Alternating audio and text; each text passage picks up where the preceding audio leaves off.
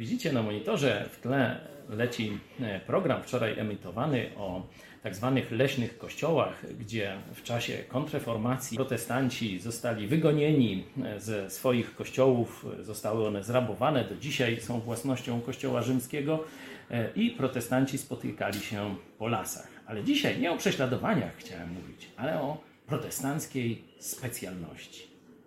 Kiedy nastał edykt tolerancyjny e, w 1781 roku, wyobraźcie sobie, rolnicy, tak zwani chłopi, w ciągu roku zbudowali sobie szybko murowane kościoły. Jak sprawna organizacja, dobre przywództwo, szczodrość finansowa, to wszystko cechuje protestantów w życiu obywatelskim. Chcemy, żeby właśnie to dać Polsce.